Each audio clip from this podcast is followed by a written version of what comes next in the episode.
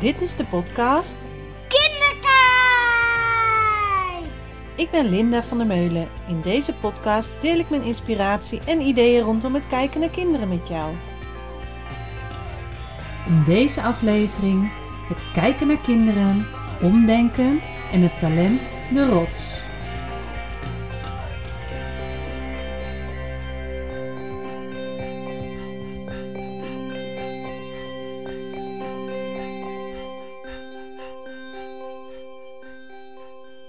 Wat ontzettend leuk dat ik weer eh, in je oren mag zitten en dat je klaar zit of loopt of fietst. Ik weet niet wat je aan het doen bent eh, om naar deze podcast-aflevering te luisteren. Ik vind het eh, heel leuk om reacties te krijgen, ook ehm, om te horen wat je aan het doen bent terwijl je mijn podcast luistert. Dus doe dat ook vooral. Of als dingen je raken of als je iets helemaal niks vindt, vind ik ook hartstikke interessant om te horen.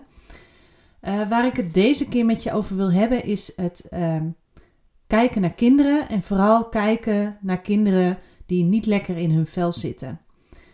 Omdat ik merk dat ik daar de laatste tijd, maar eigenlijk al uh, jaren, dat daar steeds weer op teruggekomen wordt als een kindje niet lekker in zijn vel zit, dat ik dan gevraagd word om mee te kijken. En tegenwoordig ook zelfs door andere organisaties waar ik bijvoorbeeld uh, pedagogische coaching doe of een training geef dat ik dan word uitgenodigd. Goh, Linda, met dit kindje gaat het niet zo lekker op dit moment. Zou je eens mee willen kijken? Dus dat is ook iets wat ik op dit moment aan het uh, onderzoeken ben. Is dat nou iets wat echt mijn talent is of wat ik uh, graag doe? Nou, ik doe het sowieso ontzettend graag. Maar vooral dat meedenken, meekijken, samensparren, wat zou er aan de hand kunnen zijn? Dat is wat ik echt ontzettend graag doe.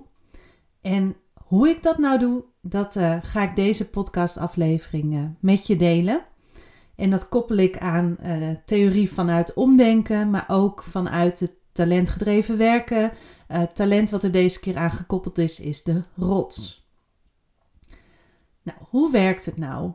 Um, als een kind niet lekker in zijn vel zit, dus gedrag laat zien um, waardoor je eigenlijk signaleert van hé, hey, het welbevinden is laag of het kind is niet betrokken, niet betrokken bij zichzelf of bij andere kinderen. Het zit niet lekker in zijn vel. Het is regelmatig verdrietig of regelmatig boos of gefrustreerd dat iets uh, niet gaat zoals hij in zijn hoofd heeft. Of, maar we begrijpen het niet. Nou, wat ik heel vaak zie gebeuren is dat dit zo is, um, en dan heb ik het vooral over de kinderopvang, uh, dat dit zo is bij uh, wisselmomenten. Of bij wisseling van groepen, als een kindje bijvoorbeeld doorstroomt van de babygroep naar de dreumesgroep of van uh, de ene naar de andere groep. Die wisselmomenten, dus dat er heel veel nieuwe dingen gebeuren, uh, merk je vaak dat kinderen letterlijk moeten wennen aan een nieuwe omgeving. Nou, het ene kind duurt dat een paar uurtjes of misschien wel een paar minuten en die heeft zoiets van, nou oké, dit is de nieuwe omgeving, dit zijn mijn nieuwe begeleiders, ik vind het wel prima. En voor het andere kind, die heeft daar meer tijd bij nodig. Of die laat andere dingen zien um, waar je op in kan spelen. Nou, als je nou kijkt vanuit, uh, als je ervan uitgaat dat kinderen competent zijn, uh, vanuit de pedagogiek van Reggio Emilia is dat een van de hoofdlijnen van de pedagogiek. Nou ja, ik uh, ondersteun die pedagogiek en uh, ik geloof ook echt dat kinderen competent zijn. Dat kinderen alles in huis hebben om zichzelf in de wereld te ontdekken. En dat het ene kind daar wel iets meer de volwassene als begeleider in nodig heeft dan de ander. Als een kindje uh, laag welbevinden heeft, dus als ik met zo'n vraag, uh, als mensen met zo'n vraag bij mij komen, stel ik altijd eigenlijk eerst een heleboel vragen. Op welke momenten is dat zo? Um, Merk je een verschil met de ene en de andere dag? Is er een verschil tussen welke begeleiders er zijn? Hoe reageert het kind op de ene begeleider en op de andere? Hoe reageert het kind op andere kinderen? Hoe werkt het? Dus eigenlijk heel veel vragen om te analyseren wat de situatie eigenlijk is. Um, maar ook om te analyseren op welke momenten is het welbevinden wel hoog. Als een kind de hele dag door alleen maar huilt, dan zijn het ook echt wel duidelijke tekenen. Nou, als je kijkt naar uh, emotie, als je dat letterlijk uitkleedt, het woord emotie is energie in beweging. Dus alles wat je doet, alles wat je denkt, uh, ik geloof erin dat het allemaal energie is. Dat het in de lucht hangt. Dat het uh, letterlijk ook energie in je lijf is wat eruit moet. En als je nou kijkt naar die energie, is blijdschap is energie waardoor je oplaadt. Waardoor je oplaadt en alle andere emoties aan kan. Verdriet is energie wat je doet stilstaan. Dus waardoor je letterlijk even mag stilstaan, mag verwerken bij uh, wat is er gebeurd, wat is er aan de hand. Uh, dat zijn momenten waarop je verdriet ziet bij verwerking. Boosheid is een energie die heel erg in de vooruit gaat. Uh, soms kan het ook letterlijk wel knallen. letterlijk heel, een hele actieve energie die in je lijf zit en er echt die je niet kan onderdrukken, die eruit moet.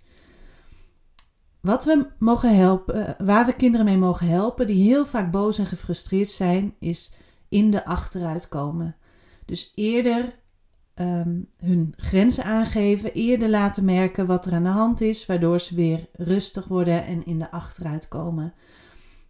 En dan heb je nog angst. En angst is heel erg de verdriet die juist in de achteruit gaat. Dat je letterlijk achteruit deinst, terugdeinst voor wat er uh, speelt. En als je nou daar um, bij stilstaat, is wat kinderen dus nodig hebben, is stapjes, een begeleider die ze helpt weer in de vooruit te komen. In plaats van het terugdeinzen, in het in de achteruit gaan, dat ze stapje voor stapje dingen toch aandurven, dingen toch aangaan en gaan doen. Nou, wat is daarin nou de link met kinderen die niet lekker in hun vel zitten? Dat je eigenlijk aan die energie kan zien wat zit erachter. Zit er verwerken achter? Is het de nieuwe situatie verwerken in um, wat is hier aan de hand? Ik heb tijd nodig om dit te verwerken. Zit er frustratie en boosheid achter? Um, dat betekent grenzen. Gaat, gebeurt het dat het kind uh, dat de grenzen overheen gegaan worden? Of geeft het kind een grens aan en wordt het toch gedaan? Of geef jij een duidelijke grens aan en heeft, is het kind er niet mee eens? Dan zit er boosheid achter als emotie. En bij angst gaat het over beschermen. Is een beschermingsmechanisme um, die ervoor zorgt dat je niet gevaar loopt. Een nieuwe situatie of een nieuwe omgeving kan onveilig voelen, waardoor een kind letterlijk in de angst schiet. Nou, nu lijkt het allemaal heel zwart-wit, um, maar deze emoties wisselen elkaar in razendsnel tempo soms af en kunnen ook wel opstapelen. Als je nou kijkt naar kinderen, dan zie je dat ook. Um, ik merk zelf dat ik heel vaak juist bij dreumissen die nog niet kunnen praten um, en wel heel veel emoties voelen en van alles denken, maar het nog niet kunnen uiten, erbij geroepen wordt. Omdat daar ook heel veel frustratie bij hun in zit. Van het niet kunnen verwoorden wat je voelt en wat je denkt, maar wel uh, heel veel begrijpen en heel veel willen. En wat dan heel erg helpt, is dus die vragen stellen. Op welk moment laat het kind het gedrag zien? Dus op welk moment zie je heftige emoties? Want dat is vaak aan de hand. Op welke momenten merk je uh, dat een kind wel lekker in zijn vel zit? En wat gebeurt er dan? En wat ik vooral heel vaak merk, is dat niet alleen tijdens wisselmomenten van dat je wisselt van groep, maar ook tijdens wisselmomenten van het speelmoment naar het eetmoment, van het eetmoment naar het verschonen, van verschonen naar het naar bed brengen.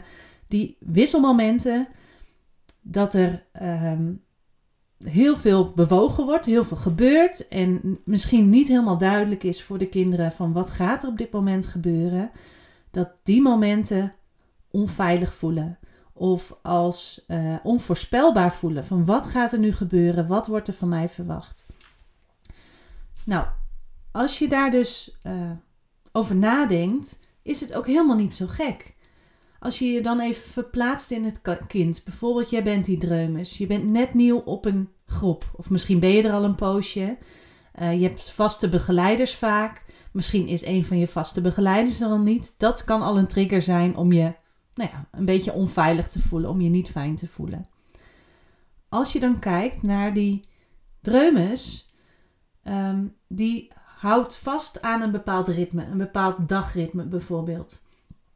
Als je op een gegeven moment weet van ja, oh, altijd na het spelen gaan we fruit eten. Als de begeleider zegt we gaan opruimen, dan komt daarna het fruit eten. Dat zijn ritmes die je op een gegeven moment eh, ja, in gedachten uh, ja, die je doorleeft en die je dan gaat begrijpen. Wat heel belangrijk is om bewust te zijn van die veiligheid. Hoe kan je door die hele dag heen die veiligheid blijven bieden?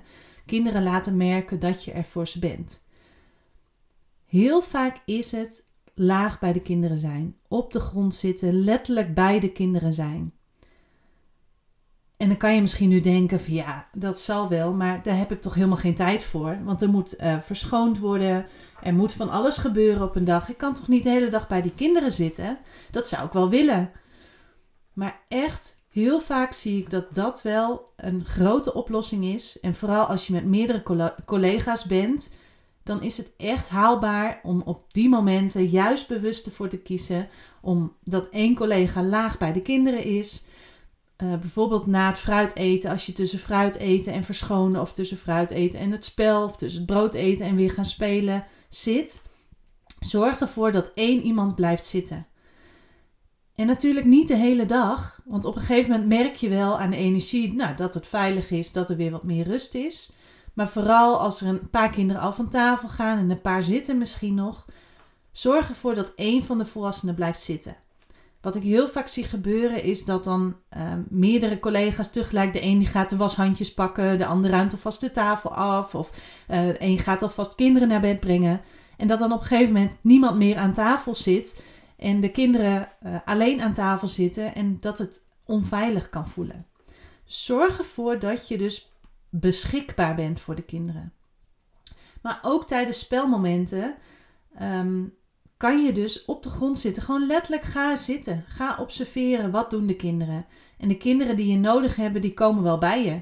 En die kunnen dan wel, uh, omdat jij toegankelijk bent, omdat je op hun niveau zit, letterlijk, komen ze wel en hebben ze even aandacht nodig. Maar omdat je daar blijft zitten waar je zit, want je bent letterlijk niet in beweging, je zit op een vaste plek, voelt het veilig. Is het letterlijk iets wat veilig voelt, waardoor de kinderen um, ja, de vrijheid voelen eigenlijk om uh, wel te bewegen. Wat ook heel erg kan helpen is het benoemen, eh, vooral positief benoemen, wat je ziet. Um, als een kind huilt, dan is het goed om te benoemen in plaats van alleen de focus op niet huilen of alleen maar aandacht geven wanneer een kindje huilt. Benoem juist wat ze aan het doen is.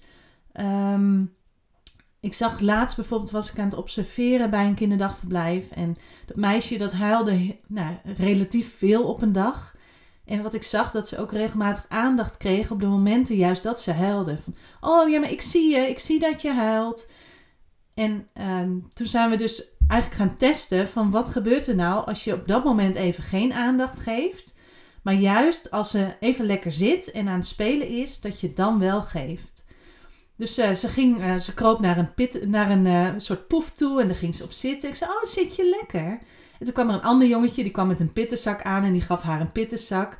Dus ik benoemde van, oh, hij geeft jou een pittenzak, moet je kijken. Wat aardig. En nou ik benoemde dat zo.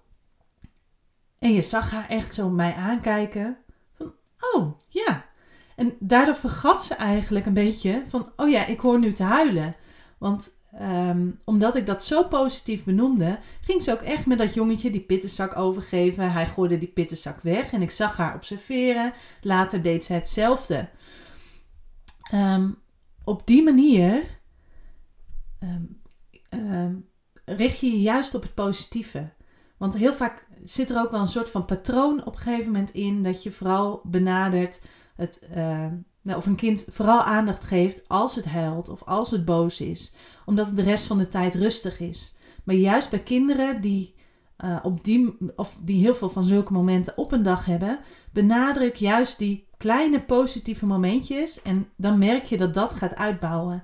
En dat de momenten waarop een kind dan verdrietig is of boos is, juist uh, nou, soms helemaal weggaan. Of uh, tot een aantal momentjes op een dag. Bijvoorbeeld alleen even met het afscheid. Of alleen even tijdens een wisselmoment. Ga dat eens uitproberen. Wat ook kan helpen, en dat is vooral bij kinderen, um, nou ja, prikkelgevoelige kinderen, bij wie heel veel binnenkomt, kinderen die heel veel observeren, is als je iets benoemt aan een kind, bijvoorbeeld, ik ga je nu naar bed brengen, dat je dan eventjes wacht. En ik kreeg die tip zelf eens een keer van een andere pedagoog die zei: wacht eens altijd drie olifanten. Dus je benoemt iets, ik ga je naar bed brengen. En dan tel je één olifant, twee olifant, drie olifanten. Als je dat gedaan hebt, dan loop je naar het kind toe en ga je het ook echt naar bed brengen. Maar ook bijvoorbeeld als je een vraag stelt: wat wil je op je broodje? Kaas of pindakaas? Dan wacht je even, één olifant, twee olifant, drie olifanten. En heel vaak ehm, zie je dat kinderen op een gegeven moment doorhebben dat ze bepaalde uh, keuzetijd hebben. Dus dat ze de ruimte hebben om ehm, te reageren. Want wat je heel vaak merkt, dat wij als volwassenen, wij hebben al lang door hoe die stappen werken en we willen graag door. We willen door met de dag. We willen door met, uh, nou ja, kies nou even, want dan kan ik het volgende kind vragen. Maar door echt even die rust en die tijd te nemen, wordt het voorspelbaar.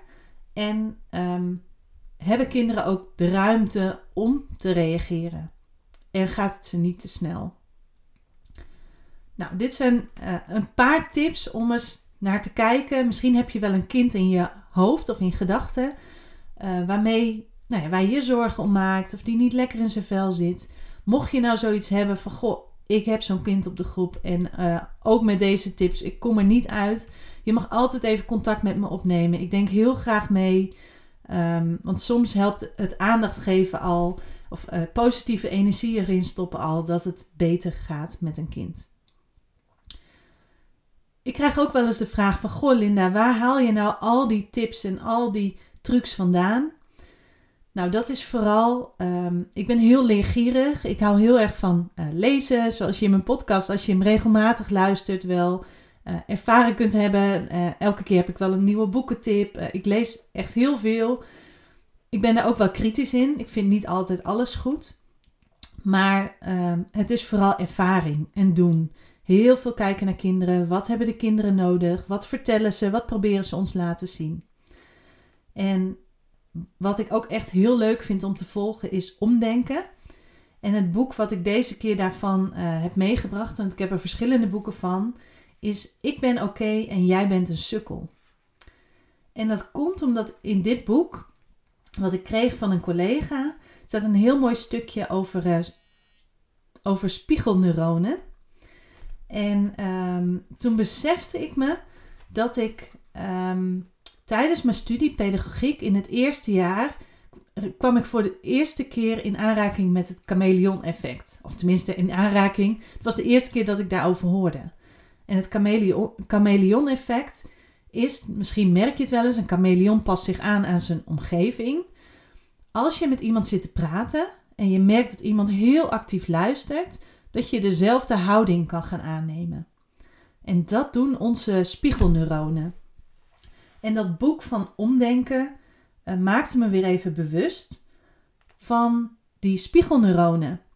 En ik ben me daar ook wel heel bewust van, altijd wel mee bezig. Maar er stond dus een heel mooi boek in, uh, een heel mooi boek, een heel mooi stukje in over emoties.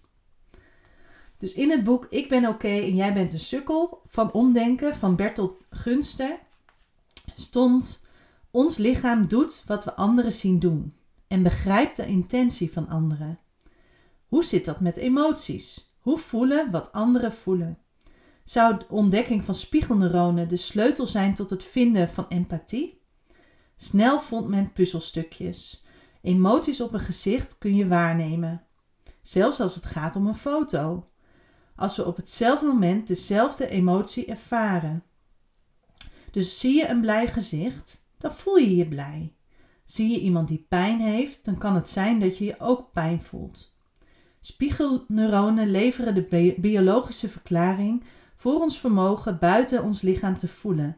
Ze vormen de sleutel tot empathie.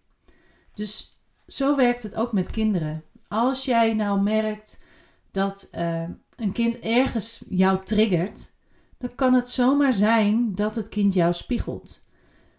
Dus als jij niet lekker in je vel zit, en misschien merk je dat als moeder ook vooral, ik als moeder in ieder geval wel, uh, je eigen kinderen hebben versterkte spiegelneuronen, denk ik soms wel. Isa die kan mij precies triggeren als ik niet lekker in mijn vel zit. Dan triggert ze me op zo'n manier, dan spiegelt ze me zo dat ik denk van joh, dit is niet van jou, dit is van mij wat je nu laat zien. Dus dat wilde ik nog even meegeven als laatste. En uh, dat boek is echt een aanrader. Dat gaat erover dat je anderen niet kan veranderen. Ze zijn wie ze zijn en dat zal altijd zo blijven. Maar dat is ook juist een goudmijn. Dat je jouw reactie op een ander kan veranderen, jouw houding ten opzichte van een ander, waardoor de ander ook ander gedrag laat zien. Nou, hoe fascinerend wil je het hebben? Dus door jouw inzet te veranderen, zorg je ervoor dat de ander ook ja, mee verandert, zonder dat je hem of haar verandert. Nou, hoe uh, filosofisch wil je het hebben, maar hoe fascinerend ook. Dus daar ga ik uh, de komende tijd nog meer induiken, want ik heb dit boek nog niet helemaal uit. Want ik lees ook wel meerdere boeken tegelijk. Dus uh, hij ligt nog ergens op mijn plank. Halverwege ben ik ermee bezig. Dus mocht ik daar meerdere mooie inzichten in vinden, dan uh, hoor je het ook in deze podcast. Het talent wat ik hier heel mooi bij vond passen, is het talent van de rots. En als je je daarin herkent, als je een rots bent, dan ben je overal en altijd jezelf. Dan maakt het je niet uit wat anderen van je denken. Je bent rustig, je hebt vertrouwen in jezelf, waardoor je ook nieuwe dingen durft te doen. Dus je straalt een bepaalde manier van rust uit. Je bent wie je bent, je mag zijn wie je bent. En uh, gaat wel nieuwe uitdagingen aan omdat je het vertrouwen hebt in jezelf. Als rots kom je tot recht in uh, moeilijke situaties, omdat je die heel rustig en heel stevig kan aanpakken. Dat doe je gewoon vanuit ervaring, vanuit vertrouwen. Um, je kan ook goed samenwerken met mensen die um, durven te zeggen wat, hoe ze over jou denken, dus die echt hun mening durven te geven. Een rots is dus ook letterlijk die staat stevig, die is aanwezig, die is er, maar wel vol alle rust en vertrouwen. Wat een tip is voor de rots, dus mocht je je hierin herkennen, als anderen kunnen aarzelen om iets tegen je te zeggen, omdat je zelfverzekerd overkomt. Als je zelf om feedback vraagt of vragen stelt, dan komen ze wel. Wat ook zo kan zijn, is dat, je, uh, dat het goed is uit te leggen wat je standpunt is of welke kant je op wil. En je open te stellen voor de mening of voorstellen, ideeën van anderen. Omdat je als rots best wel stevig en zelfverzekerd over kan komen, zorg er dan ook voor dat je ruimte maakt voor wat anderen denken, wat anderen vinden. Nou, een hartstikke mooi talent, denk ik. Als je zo uh, in het leven kan staan. Ik kan er soms wel eens uh, jaloers op zijn. Om uh, op echte rotsen die helemaal stevig, gewoon lekker zijn wie ze zijn. En daar heb ik echt bewondering voor. Ik ben meer de, een chameleon waarover ik vertelde. Die zich aanpast aan wie heb ik tegenover me en wat voor vraag stel ik. Ik zou wel eens wat meer een rots willen zijn, daarvan kunnen leren. Nou, volgens mij was dit weer een aflevering met heel veel inzichten. Vooral heel veel dingen waar je in de praktijk hopelijk wat aan hebt. Mocht je hier vragen over hebben, mocht je tegen dingen aanlopen, uh, weet dat ik het altijd heel leuk vind om eens te sparren, mee te denken, mee te kijken in hoe het nog fijner en nog beter kan voor de kinderen. Ik wens je voor nu een hele fijne dag en hoop echt dat je weer heel veel mooie dingen hieruit hebt kunnen halen. En uh, hopelijk tot de volgende podcastaflevering. Bedankt voor het luisteren van deze podcast. Wil je geen aflevering missen? Abonneer je op deze podcast. Heb je vragen of ideeën voor een volgende keer? Laat het mij weten via www.kinderkijk.com of Kinderkijk op Facebook of Instagram. Denk je dat deze podcast interessant is voor anderen? Laat een review achter of deel hem. Doeg!